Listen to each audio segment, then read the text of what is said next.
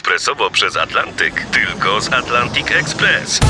Z nami wyślesz co chcesz, kiedy chcesz, do kogo chcesz i to o 40% taniej.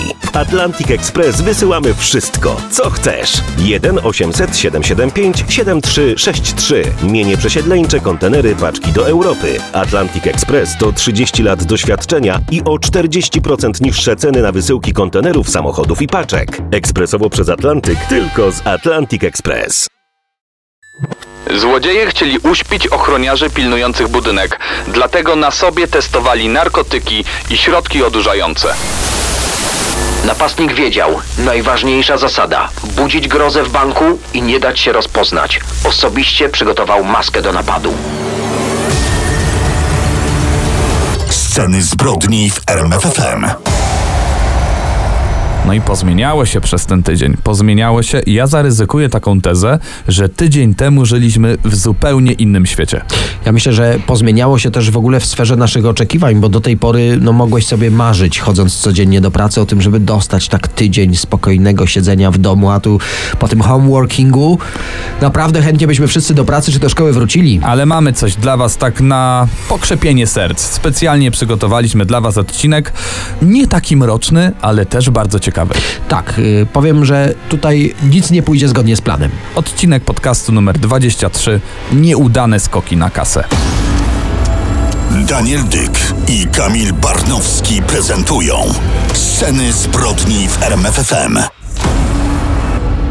Dzisiaj będzie coś prawie dla każdego w tej domowej kwarantannie, tym razem zaproponowany przez naszych słuchaczy temat. Na wasze życzenie skoki na bank, ale te z kategorii no co poszło nie tak. Plan gotowy, opracowany w najdrobniejszych szczegółach, a zamiast zbrodni komedia. Jednak czasem złodziej czy włamywacz panikuje i z napadu na bank robi się znacznie poważniejsze zamieszanie. Dochodzi do strzelaniny, giną przypadkowi ludzie. Jednak dziś wieczorem skupimy się, e, jak powiedzieliśmy, na życzenie słuchaczy, na tych dramatycznych wydarzeniach, które jednak zmieniły się w komedię, bo o takie prosiliście. Zapraszamy. Za moment napad na bank pod Orłami i to brzmi dramatycznie, prawda? Mówiliśmy już o tym, bo to akurat najdramatyczniejszy z napadów na bank w historii Polski. Zbrodnia krwawa, a przy okazji zbrodnia doskonała, oficjalnie do dziś nierozwiązana, jedna z największych kryminalnych zagadek PRL-u i możecie o tym posłuchać w jednym z naszych podcastów na rmfon.pl. Napadów na bank pod Orłami było kilka,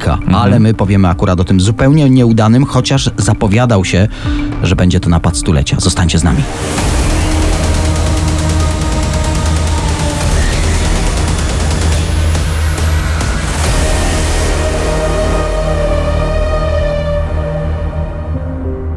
Scenach zbrodni napady na bank, y, skoki na kasę, które zakończyły się nie rabusiów.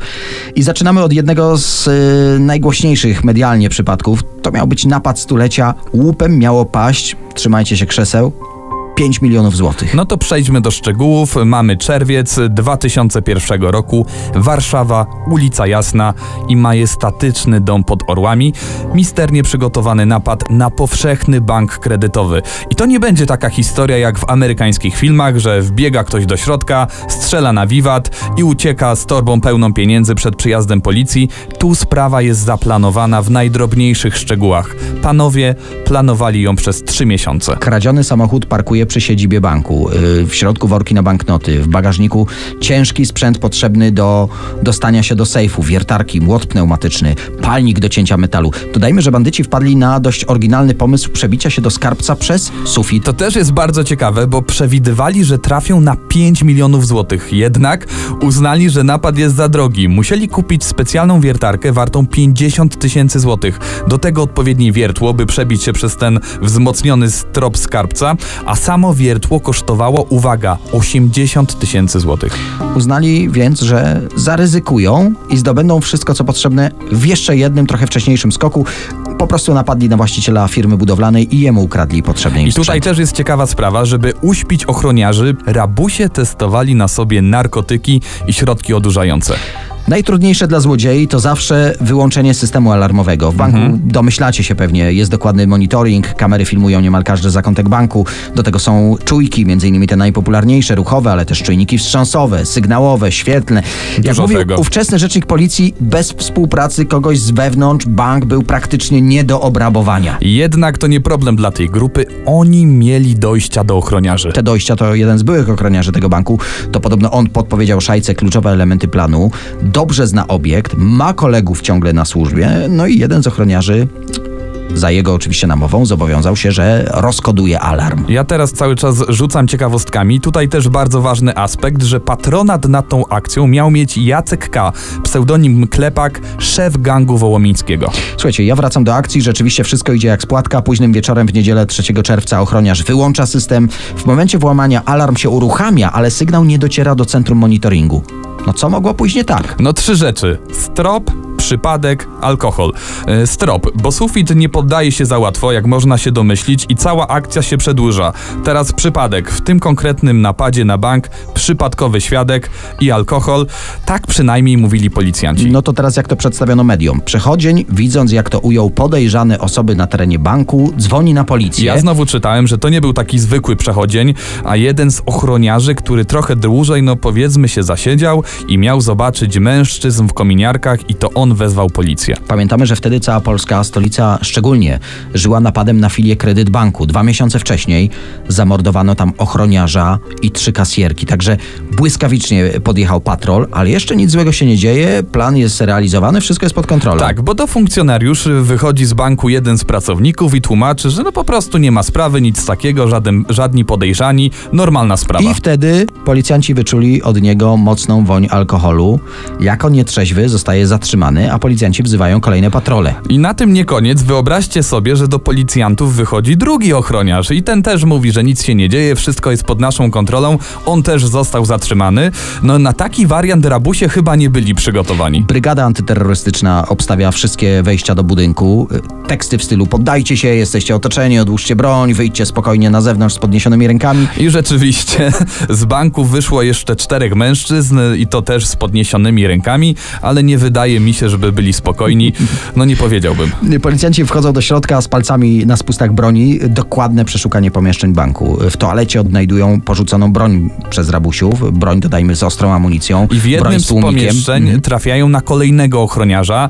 Ten nie brał udziału w spisku, więc został związany. I co ciekawe, jak uznali policjanci, też był pod wpływem alkoholu, czyli wychodzi na to, że koledzy pili z nim, by uśpić jego czujność. I to jest komiczne w tej sytuacji, że alkohol, który uśpił czujność ochroniarza, akurat wzmógł czujność policjantów. I alkohol zapobiegł napadowi stulecia. To są sceny zbrodni w RMFFM.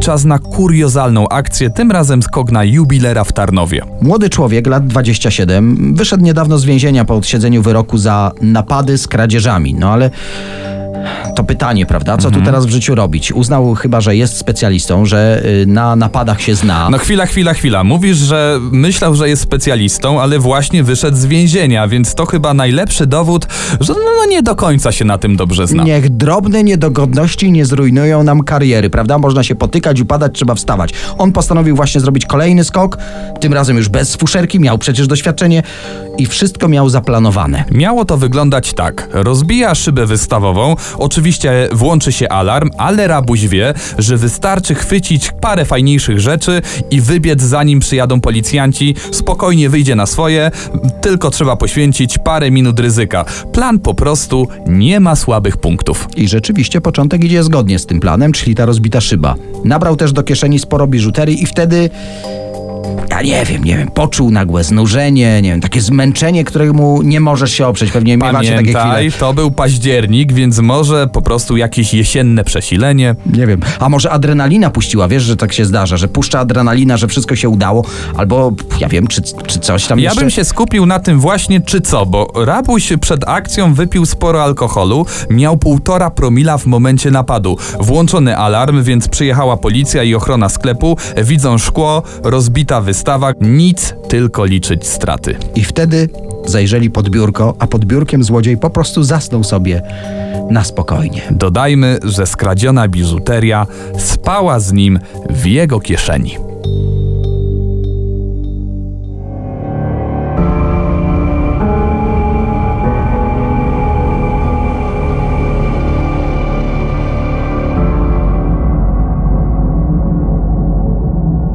Do tej pory bohaterom wieczoru jakoś szło, przynajmniej do pewnego momentu. Teraz jednak zastanawiam się, co miał na zajęciach praktyczno-technicznych sprawca tego zdarzenia. Na ZPT, tak? Mhm. No zapewniam cię, że u niego w szkole nie przerabiali lekcji, jak przygotować maskę do napadu na bank. Ale zacznijmy. U nas zawsze są fakty na pierwszym miejscu, więc czas i miejsce akcji. Strzelce Opolskie, rok 2010. Bohater, 28-latek, no i najwidoczniej naoglądał się filmów kryminalnych, wiedział, że najważniejsza zasada budzić grozę i nie dać się rozpoznać, dlatego osobiście przygotował maskę. Tak, normalna rzecz. Y, Robi się otwory na oczy i usta. Ja takie wycinałem w naleśnikach, jak Ja byłem z mały. tektury robiłem. Z tektury. No to klasyka, prawda? Muszą być otwory na usta, żeby cię słyszano, jak wydajesz polecenia. To jest napad, nie ruszać się, otwierać kasę, pieniądze na stół. No i, i musisz mieć otwory na oczy, żeby to wszystko widzieć, prawda? Czy wykonują twoje polecenia dość karnie. Widzę, że naoglądałeś się tych filmów kryminalnych Ba. i dodajmy jeszcze, że nasz bohater od swojego synka z pokoju zabrał pistolet zabawkę. O, widzisz, bez pozwolenia, czyli jakaś kradzież tego dnia mu się jednak udała. Dobra, ale w każdym razie ruszył na robotę wcześnie rano, zanim pojawili się pracownicy banku, dokonał obserwacji obiektu, no i tuż po otwarciu placówki wszedł do środka. Czekaj, kluczowy moment. Zakłada tę przygotowaną osobiście maskę i uwaga, nie wiem czy jej nie przymierzył wcześniej, bo nagle okazało się, że otwory na oczy są w nieodpowiednich miejscach i prawie nic nie widzi. Ale też taki złośliwy jesteś. No może w praniu się W skurczyła, nie każdym wiem. razie chciał wtargnąć do banku, ale nie trafił, więc postanowił się wycofać ze skoku. Tak, y, pobiegł w stronę auta i tu, no nie wiem, nie miał dnia, chciał uciec samochodem zaparkowanym przy banku, ale zorientował się, wyobraźcie sobie, że zatrzasnął w środku kluczyki. No co mu pozostało? Uciekać pieszo, ale zdaje się, że też nie przygotował y, się kondycyjnie do tego wariantu No jak ucieczki. nie idzie, to nie idzie po Po całości. pięciu minutach totalnie zasapany wpadł w ręce policji. Dodajmy, że przed sądem uznał swoją winę, dostał dwa lata w zawieszeniu. No, wyrok bardzo łagodny, ale można powiedzieć, że właściwie żadnego napadu nie dokonał. Tak powiem więcej. Od samego początku akcji do końca właściwie współpracował z policją. Miejmy nadzieję, że chociaż synkowi odkupił ten pistolet, bo ten skradziony z jego pokoiku sąd uznał za dowód w sprawie i orzekł przepadek mienia.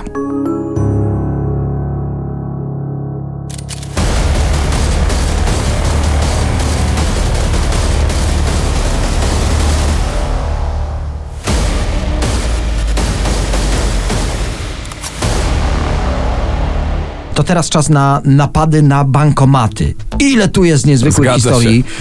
Wydaje się, że bankomat to są łatwe pieniądze, prawda? Stoją właściwie Mhm. niepilnowane. I szczyt takich napadów mieliśmy w 2015 roku. Średnio co trzeci dzień gdzieś w Polsce bankomat padał łupem bandytów. Tak, ale powiedzmy wyraźnie. Na 124 napady w 2015 tylko 32 próby zakończyły się powodzeniem.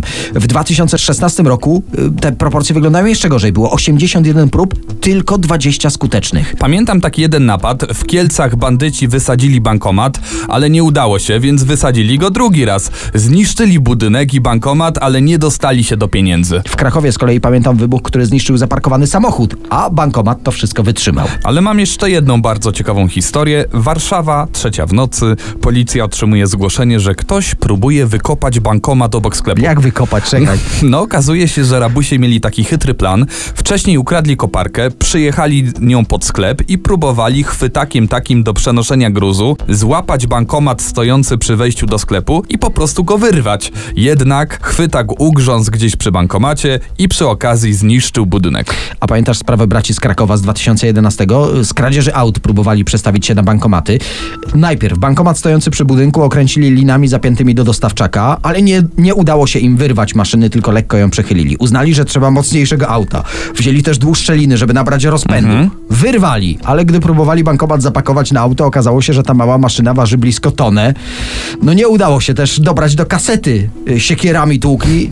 Się nie poddali. Trzecia próba była z palnikiem gazowym. No też coś nie poszło. No. Ale oni byli dobrze przygotowani. Wyłączali światła na ulicy, rozbijali kamery albo kierowali je w inną stronę. Ja jednak pamiętam też złodziei, którzy wyrywali ze ściany bankomat linami zapiętymi do auta, załadowali go na przyczepę, ale uwaga, ciężar niewielkiego bankomatu jest na tyle duży, że zerwał im przyczepę.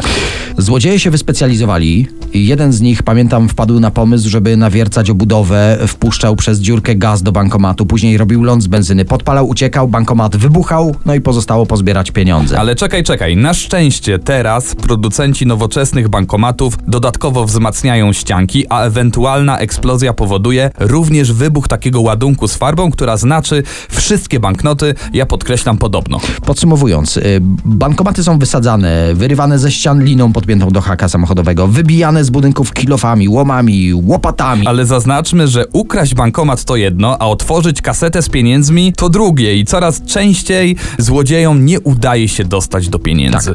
O napadach na bankomaty, zresztą w środowisku przestępczym mówi się, że to jest robota taka dla amatorów. Y, Zawodowcy się za to zazwyczaj nie biorą, roboty dużo, pieniądz niepewny, ryzyko też ogromne, bo każdy bankomat jest przecież ustawiany tak, by był wokół kilku kamer monitoringu. No i po napadzie dowody są nierzadko w jakości HD. Ale teraz już tak zupełnie na poważnie. Zdarzają się grupy przestępcze wyspecjalizowane w bankomatach. I na tropie takiej jednej byli dolnośląscy antyterroryści. Złapali rabusiów na gorącym uczynku, Tak, udaremnili napad, ale bandyci zaczęli strzelać z kałasznikowa. Niestety jeden policjant został zastrzelony, trzech zostało rannych. Zginął też jeden z dwójki przestępców.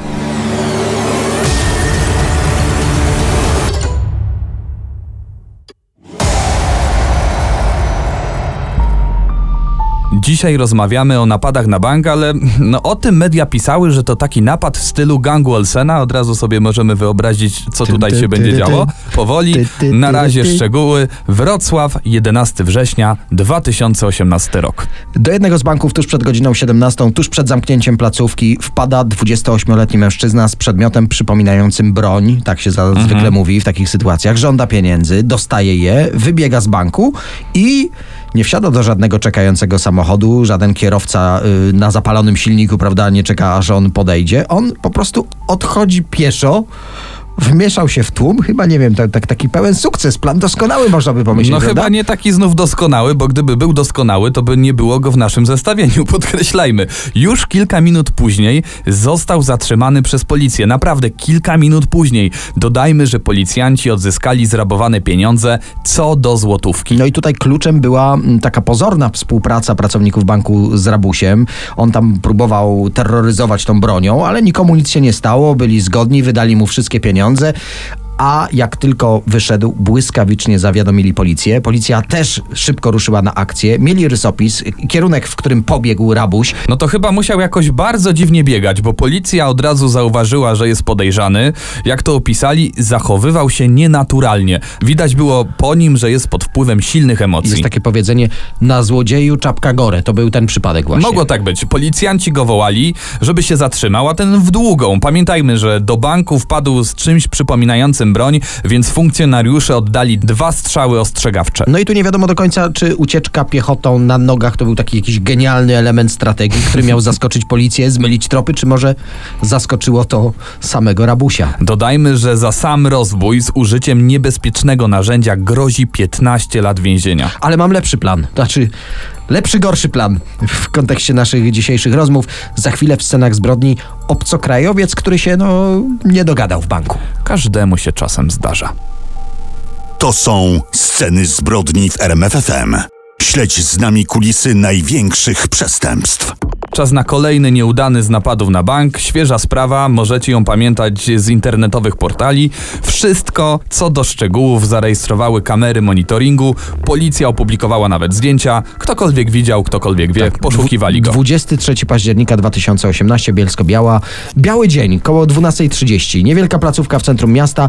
Napad przebiega Zgodnie ze schematem znanym choćby z filmów, y, czyli mężczyzna wchodzi do środka i żąda pieniędzy, Ale prawda? tutaj schemat się kończy, bo zwykle bandyci mają ze sobą broń, pistolet albo nóż, albo chociaż zabawkową atrapę. O, Czy o takim też- przypadku mówiliśmy przed Czy chwilą. też pamiętamy kiedyś rabuś napadł na bank z, z pistoletem z czekolady i gdy policja go osaczyła, zjadł broń nie ma śladu, że czymś tam groził kasjerom. A ten rabuś z Bielska Białej nie miał przy sobie żadnej broni czy też atrapy. Mało tego, nie był w żaden sposób zamaskowany. Wyobraźcie sobie, do banku, a w każdym jest monitoring, wpadasz bez maski czy choćby czapeczki z daszkiem kryjącej twarz.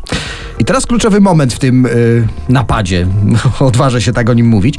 Gość nie mówi po polsku, ale wyraźnie daje znać kasjerce o co mu chodzi, a kasjerka zaskakująco spokojnie jak na takie okoliczności mówi, że pieniędzy nie ma w kasie. No nie ma. Pan się odwrócił i uciekł.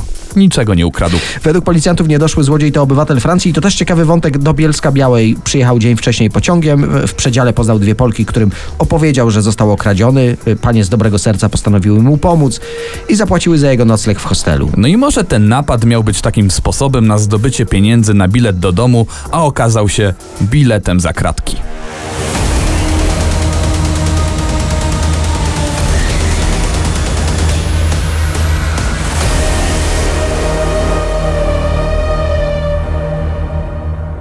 No i ty mówiłeś, że tam się pozmieniało, ale pozmieniało się także u nas w scenach zbrodni. Mhm. Oj, pozmieniało się Zwykle trochę. po wysłuchaniu podcastu tych wszystkich, którzy chcieli być przed innymi, zapraszaliśmy na niedzielę na 22, a tu proszę bardzo, niespodzianka, zapraszamy dzień wcześniej, w sobotę o 21. Jesteśmy Ale to w też Radiu jest RMF dobra FM. informacja, bo te nasze historie można posłuchać już 25 godzin wcześniej. Tak słyszałem, że niektóre platformy cyfrowe Ale u nas ograniczają transfery. U nas nie. limitu. Możecie ściągać, udostępniać, polecać znajomym. Jesteśmy na rmfon.pl z podcastami, ale także na tych wszystkich aplikacjach, gdzie te wasze ulubione podcasty czekają. A jeśli komuś tam jednak zabraknie tego internetu, to proszę do nas napisać, na przykład na Instagramie albo na Facebooku. Czyli przez internet, aleś ja, to wymyślił? Ja przyjadę na rowerze i po prostu w takich sterylnych warunkach przerzucę pendrive'a z odcinkiem przez płot, żeby wszystko było bezpiecznie. Za dzisiaj dziękujemy. Daniel Dyk, I Kamil Barnowski. a masz dużo tych pendrive'ów? No mam sześć, ale może siódmy znajdę. Daniel Dyk i Kamil Barnowski prezentują Sceny zbrodni w RMFFM.